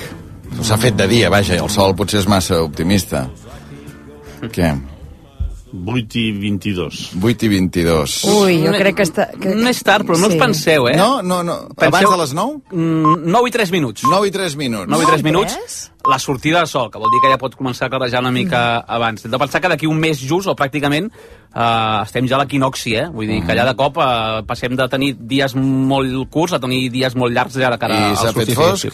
I s'ha fet fosc, s'ha pos, doncs a les 6 i 20, Uh, per tant, no fa ni una hora allà, no?, perquè era una mica Però més... llavors això canvia amb, amb relativament poc temps, perquè jo Sí. recordo que quan vam anar a Islàndia era és finals de gener... abans, 21 de gener. I va, teníem una reunió amb el primer ministre A dos quarts d'onze a dos quarts d'onze, era negra fosc. nit. Clar, clar, i d'aquí quatre- Negra nit. d'aquí 3-4 mesos els dies seran llarguíssims ja, vull dir que... que sí. La vida, no? La vida. La vida, la vida que sobrepassa. Però m'ha agradat això, eh? De, de, podríem canviar, només de fer temperatures... Eh... Sí, però la gràcia és en ple hivern. Ara Clar, ja, no, ja, ara he vist ja. que no, ja he vist que no funcionava això.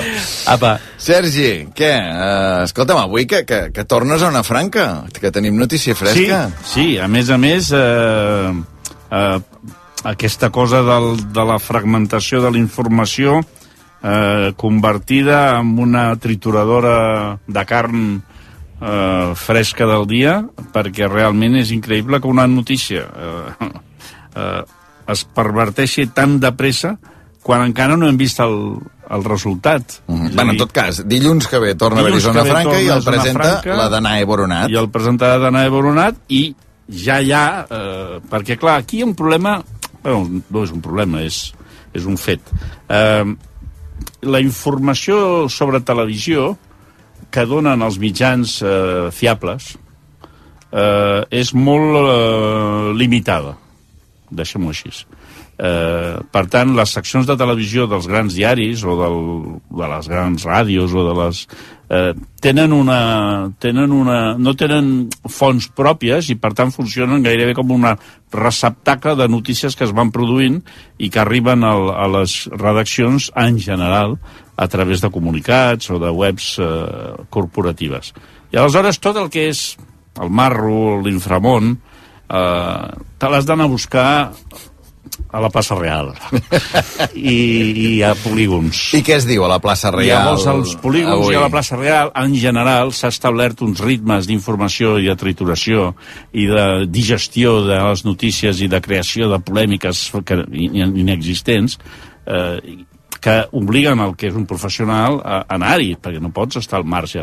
Eh, dius, no, no, només seguiré la informació televisiva a través del New York Times. No, no, has d'anar t'has d'embrutar, t'has de posar les catiusques i has d'anar a, a passejar per zones fosques. I llavors, clar, això de la Danae Borrat, per exemple, que seria una notícia que demà sortirà o ja ha sortit a totes les webs i a tots Mhm. els, eh, els mitjans civilitzats, eh, o que tenen una certa deontologia o paciència, simplement no es posen histèrics, eh, ha estat ràpidament, és un motiu de polèmica ja.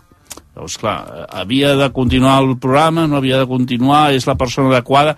Aquesta persona adequada no tindrà en el seu historial algun moment de debilitat o, o susceptible de ser afirmat com a fos quan ningú es preocupa ni tan sols de pro- comprovar si això és veritat o no és veritat i clar, en, en un moment, perquè clar, això és, gairebé ho pots viure en directe. Si vas a la plaça Reial o als polígons, sí, clar. normalment has d'estar passejant per aquests llocs.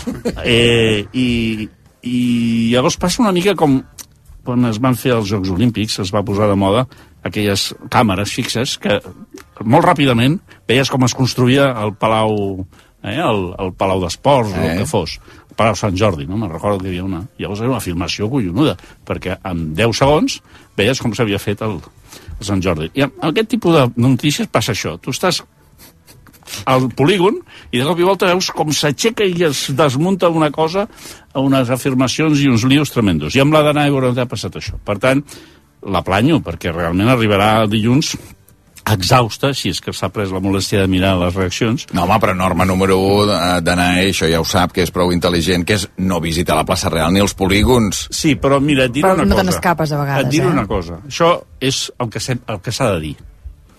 Però eh, si tu eh, eh, vius d'aquesta professió amb la intensitat que jo dedueixo que la viu la Dana Boronat, és molt probable que hagi pres totes les mesures eh, profilàctiques per evitar això. Però hi ha un moment, hi haurà un moment d'aquí al dilluns en què si no és ella que voluntàriament va al, al polígon, el polígon anirà a ella.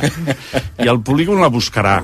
I algun amic, o algun enemic, o algun simplement morbós, eh, trobarà adient fer-li saber el que es diu, el que no es diu, però no li dirà les coses bones, li dirà les dolentes, que, que tampoc és que siguin dolentes o bones, sinó que, que és una mania de, de, de generar una expectativa que sembla que si no ve acompanyada de polèmica no és expectativa quan en realitat tant en la política com en l'esport, com en la cultura, ara, per exemple, ens estàvem parlant de que l'Spielberg aquesta nit eh, tindrà un homenatge a Berlín. No tinc la sensació que això sigui un problema per ningú.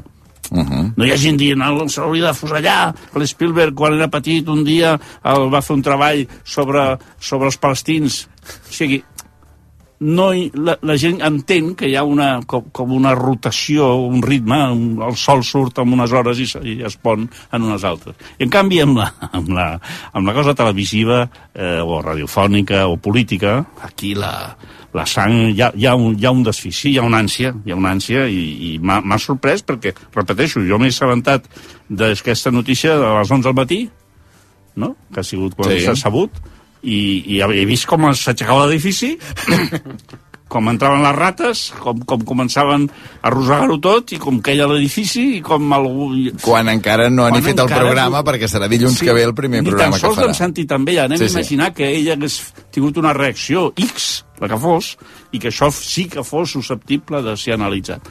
I llavors això, et- et- no et diré que et desespera, però sí que en l'àmbit, així com hi ha altres àmbits que tu pots evitar-ho, és veritat que en l'àmbit de la informació televisiva hi ha poc hi ha poc eh, barri civilitzat. Mm -hmm. Hi ha poc eixample.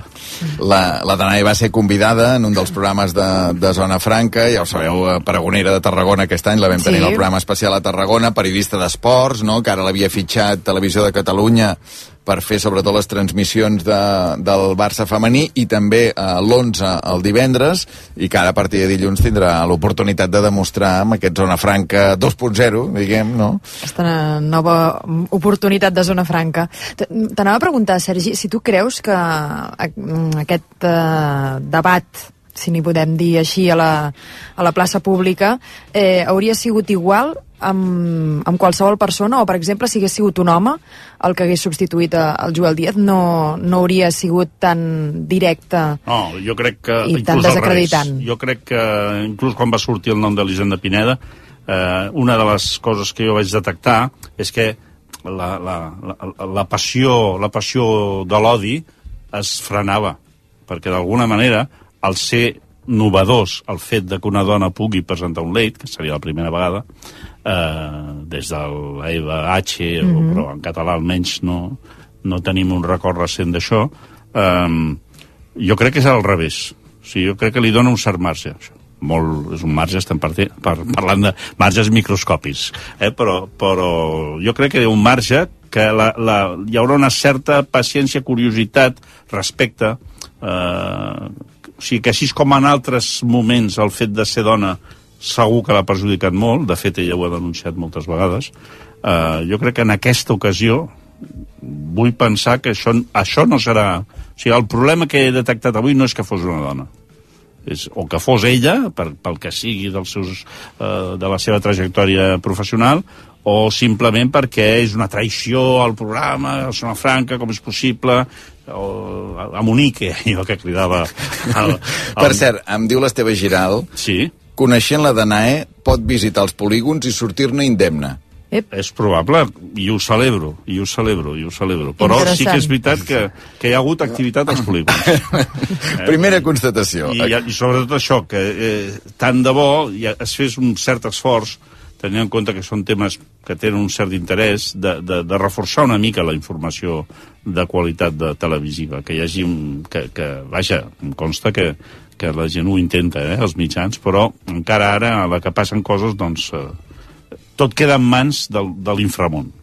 A veure, no sé per on vols anar, jo tinc una altra cosa que m'agradaria comentar amb tu, que, que l'altre dia, em sembla que era dimecres o dijous de la setmana passada, tot plegat a la nit, vaig veure que la Sexta, el Ferreres, eh, el Ferreres i el Pedrerol, a la nit, en prime time, a quarts d'onze, feia un especial sí. el dia que va esclatar el cas Enriquez Negreira. I jo vaig pensar, hòstia, van molt forts amb això, no? Però la, a mesura que passen els dies, eh, penso, és que això anirà molt fort. anirà molt fort i l'operació que van fer a la Sexta va ser una, una, una voladura fallida. És a dir, ells van intentar una cosa eh, malèvola, es pot dir així. Hi ha periodisme oportú, jo crec que era molt oportú, però malèvol. O sigui, la intenció malèvola era eh, donar claus interpretatives urgents en un context de fàcil contagi i de crear el que ha de ser el discurs. I el discurs era, perquè ho van repetir mil vegades, i els hi ha funcionat en part, escàndalo mundial. És a dir, a vegades eh, aquesta és una percepció que, que necessites un, uns dies per, per adonar-te'n.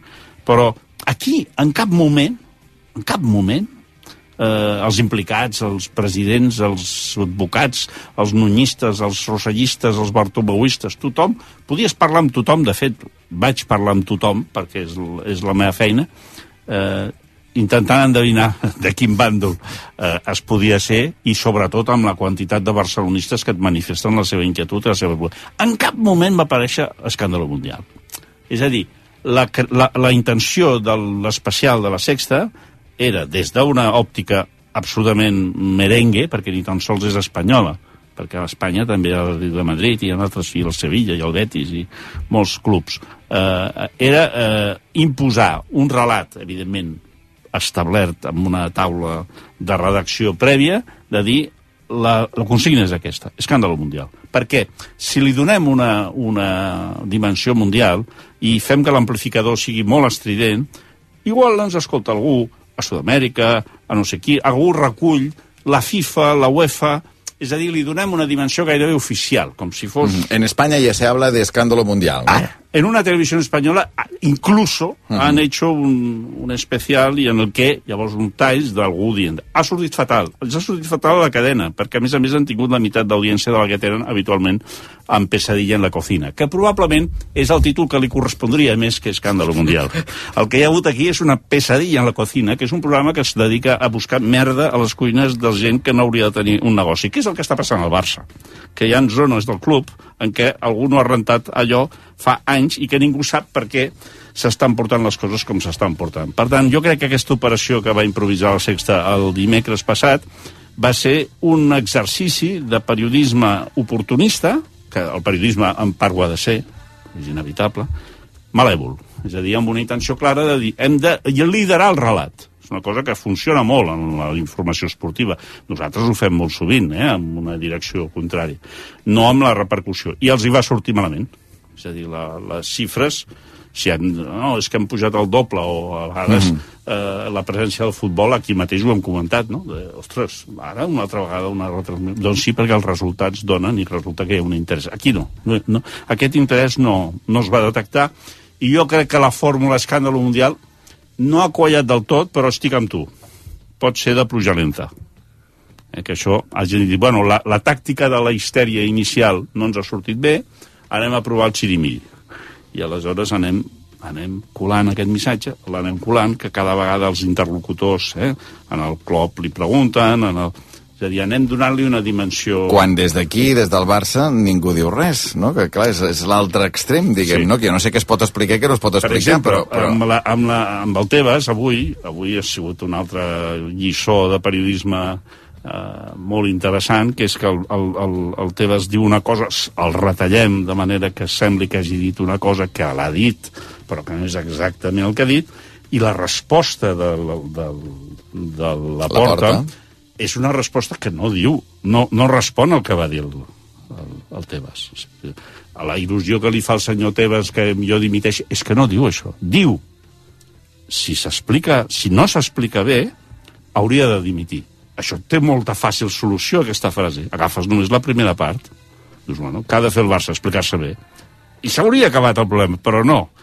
És molt més rendible que els polígons es posin en marxa perquè hi hagi activitat i sembli que un ha dit una cosa i l'altre ha respost l'altra. Però ni l'un ha dit una cosa ni Mhm. l'altre ha respost l'altra. El que continuem més estant és a la pesadilla en la cocina. Exacte, Pessenyà en la cocina i aquest xirimiri que, que durarà dies Sí. i, i que veurem com acaba, eh? I que, que, tu, Exacte, que no perquè tens, que no ja tens no- tendència a l'optimisme, ja ho sé, Sergi, i en Sí, aquest home. cas em sembla que no se'n pot tenir gens de tendència a No l'optimisme. se'n eh? pot tenir, però veus en aquí el culer té un de crosta. Jo crec que hi ha un pessimisme culer que ajuda a encaixar ajuda aquestes perquè coses. Hem, hem vist tantes coses brutes. O sigui, hem, hem, hem sopat tantes vegades en aquesta cuina eh, que, que coneixem algun truco eh, perquè sembli que no, no està tan malament com està.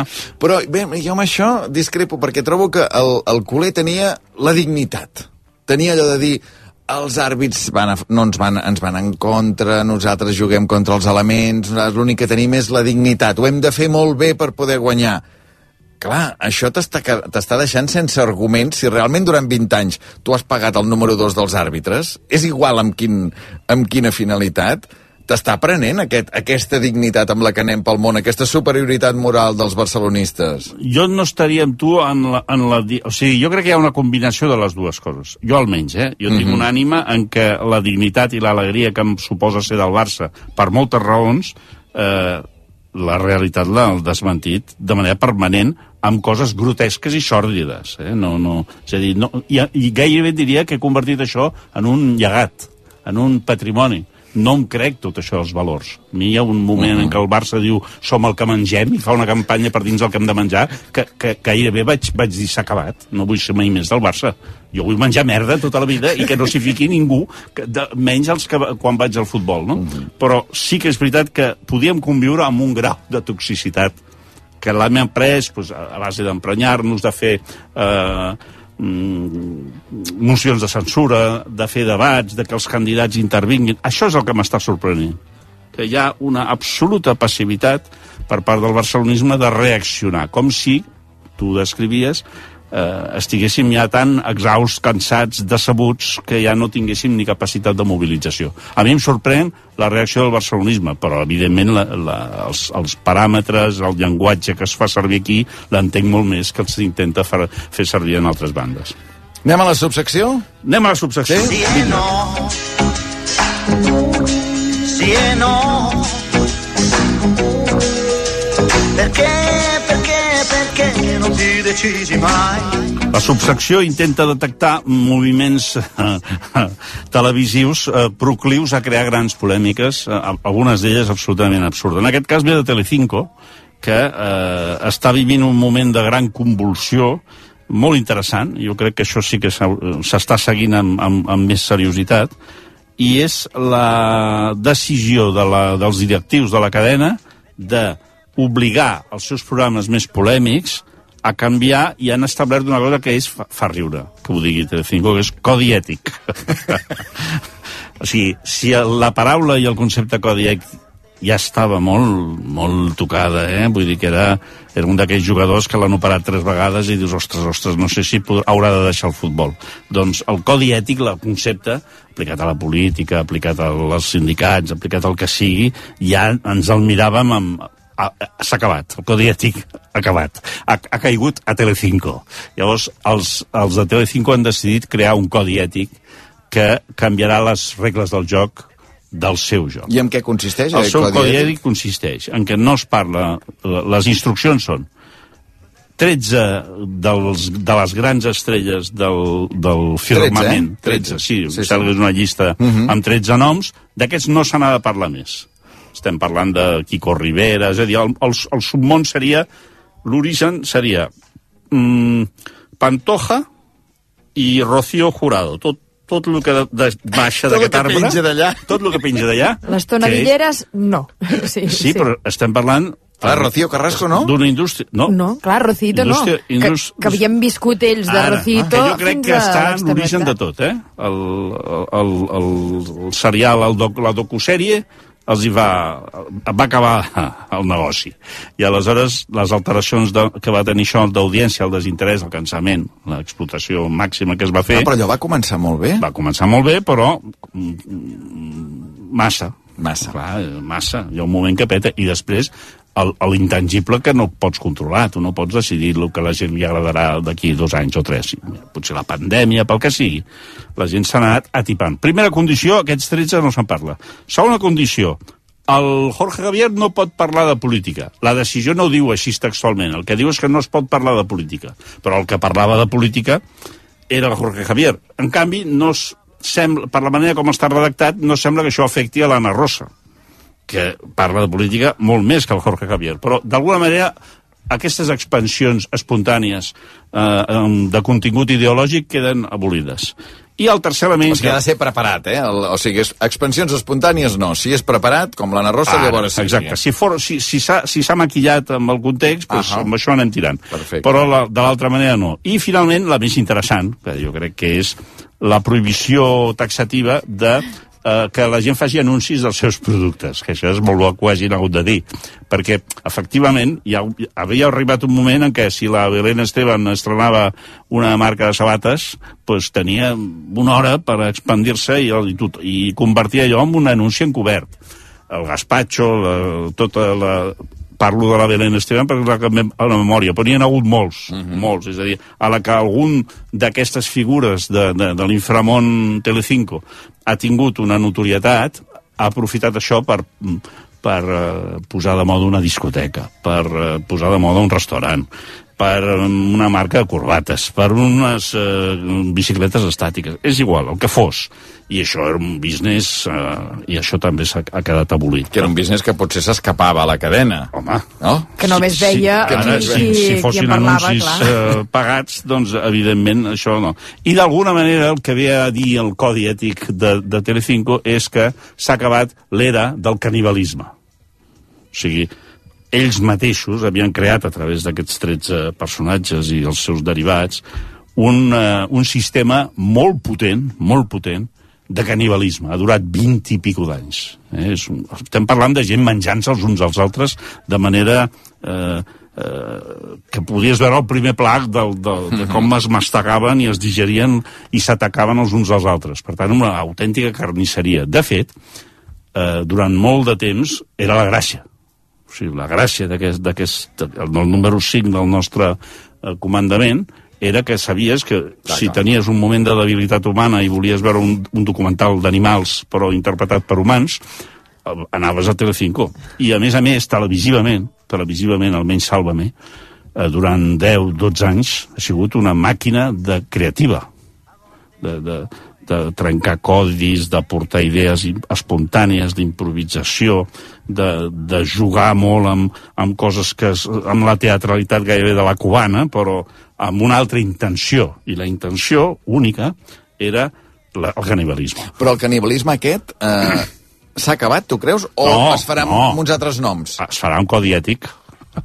Ara el, que, ara el que es tracta és de veure de quina manera brillant eh, uh -huh. tot aquest personal aconsegueix continuant sent caníbal sense que es noti. Ara està prohibit. Per tant, encara té més interès. perquè ara, Clar, clar, ara- ara hi ha el morbo de- ara de- sí de la llei seca- perquè, a més a més, la llei seca del canibalisme Hi havia un altre canibalisme que aquest el, el, l'espectador no informat no el detectava tant, que era entre productores. Hi ha hagut un canibalisme de monstres, de Godzillas, entre eh, la, la productora del, de la Ana Rosa i la fàbrica de la tele. Doncs aquí hi ha hagut grans... Que Sálvame, la fàbrica que de la Sálvame, sí. I, i, I tot això ha anat creant... Pensem també que no és només Telecinco, eh? és, també és, és Mediaset. Per tant... Mm. Clar, clar, 4 vol dir. Clar, per exemple, un dels noms prohibits és Bàrbara Rey, Sí. eh, que, li, que la setmana passada 4 el Risto Mejide el va entrevistar amb, I va fer una amb, gran amb audiència. un gran èxit I, d'audiència. ara, i amb, clar, però a lo millor tu pots dir, no, jo tinc de Bàrbara Rey, però no, no, no, no incompliré el codi ètic. Clar, clar. Perquè, clar, tot, tot, és, tot és susceptible de... Em diu la Mireia Ardèvol que aquesta tarda Jorge Javier Vázquez ha anunciat que comença un podcast, ell, fora de Telecinco. Vull dir, bueno, no sé, Home, només li anunciat a les, això. a les seves amb el xarxes, diguem. contracte, però m'estranya... eh, Això haurà de mirar-se bé el contracte, eh? Bueno, Perquè veurem. el contracte que té... Eh, bueno, li deixaven fer-lo de lectures. Vull dir que pot Sí, ser sí, que... no que, sé, que no sé, veurem, veurem a veure... Té un dels contractes més... Eh, és, sembla del Barça. En tot cas, Sembla- zona franca, del- Molt del- zona, zona franca, Negreira, Telecinco, tenim feina, tenim feina aquests dies mirant, mirant la tele. I avui, eh, bueno, aquell programa Vamos a llevarnos bien, va durar una setmana, eh, l'han tret. El van treure ja? El van treure, era molt dolent, era molt dolent. Eh, per tant, en, en 15 dies hem assistit al Però naixement... un dia, eh? Un dia. És que jo crec que, a més... A Televisió Espanyola? A Televisió Espanyola. I a més era car, era un d'aquests cars. L'han substituït per un programa que ja existia, que és aquest que, que és Todos contra Uno, que no sé si l'has vist. No. És un concurs d'una gran complexitat eh, a través d'una aplicació de mòbil, llavors hi ha un concursant, con... dura dues hores i mitja. Va, vull veure els resultats demà, però mm, és, ja n'havien fet, eh? és a dir, que és, en altres horaris més o menys els hi havia funcionat. És Globomèdia, amb un dispendi televisivament molt brillant, perquè realment són programes que estan molt ben fets, amb moltes connexions, intervencions d'això, telèfon, has de, has de tenir un, des, un desplegament a cada vegada per veure la tele, allò del, del menjador de la senyora aquella... De, Això s'ha acabat, S'ha eh? acabat, allò de la, com es deia, la, aquella asturiana, no?, que, que, que, que era una senyora que vivia de la muntanya i preguntava si Franco encara era viu. Sí. Doncs això s'ha acabat. Ara la gent té un desplegament... La- la fabada, no, era sí, això? la fabada, això. Uh -huh. I, per tant, veurem com, com desemboca. Hosti, però clar, és que un programa, eh? Sí. Bé. I a més a més la, la, la presentadora ja ho va dir amb, amb gran esportivitat. Ana Morgade, no? Sí, diu que ara ho estan mirant, però ella ja ha avisat que no hi serà, per tant hem de veure igual Joel Díaz seria, seria la manera de d'acabar-ho acabar de liar Doncs nosaltres també també ho acabem aquí. Sergi, gràcies. Salut. Que vagi bé. Avui a Islàndia tallant el bacallà, Joan Ferruso contra el tècnic, Eva Catalán, Mireia Ardèvol, Marc Ferragut, l'estudiant en pràctiques Martí Capçada, Maria Xinxó i Albert Tom. Una pausa i de seguida nit de Champions a rac Tornem demà a les 7. Que vagi bé. Bona nit.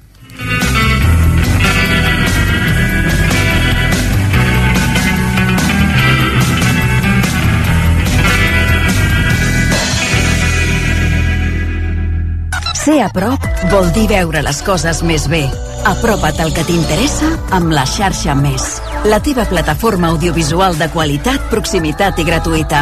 Gaudeix dels continguts de més de 30 televisions locals i podcast quan, com i on tu vulguis. Entra a la xarxa més.cat i descarrega't l'app.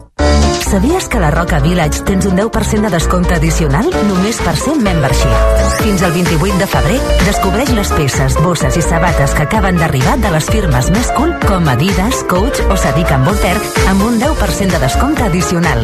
Uneix-te a la Roca Village Membership a la nostra web i comença a gaudir dels teus privilegis. Marta, què et passa? És que el Marc ha tornat a suspendre i ja no sé com ajudar-lo. Nosaltres estàvem igual que tu i ens van recomanar profe.com. Des d'aleshores la Marina està motivada i ha millorat molt. Profe.com? Sí, tenen professorat qualificat amb classes online, personalitzades, adaptables als teus horaris i per totes les assignatures. La primera classe és gratuïta. Doncs ara entro a profe.com.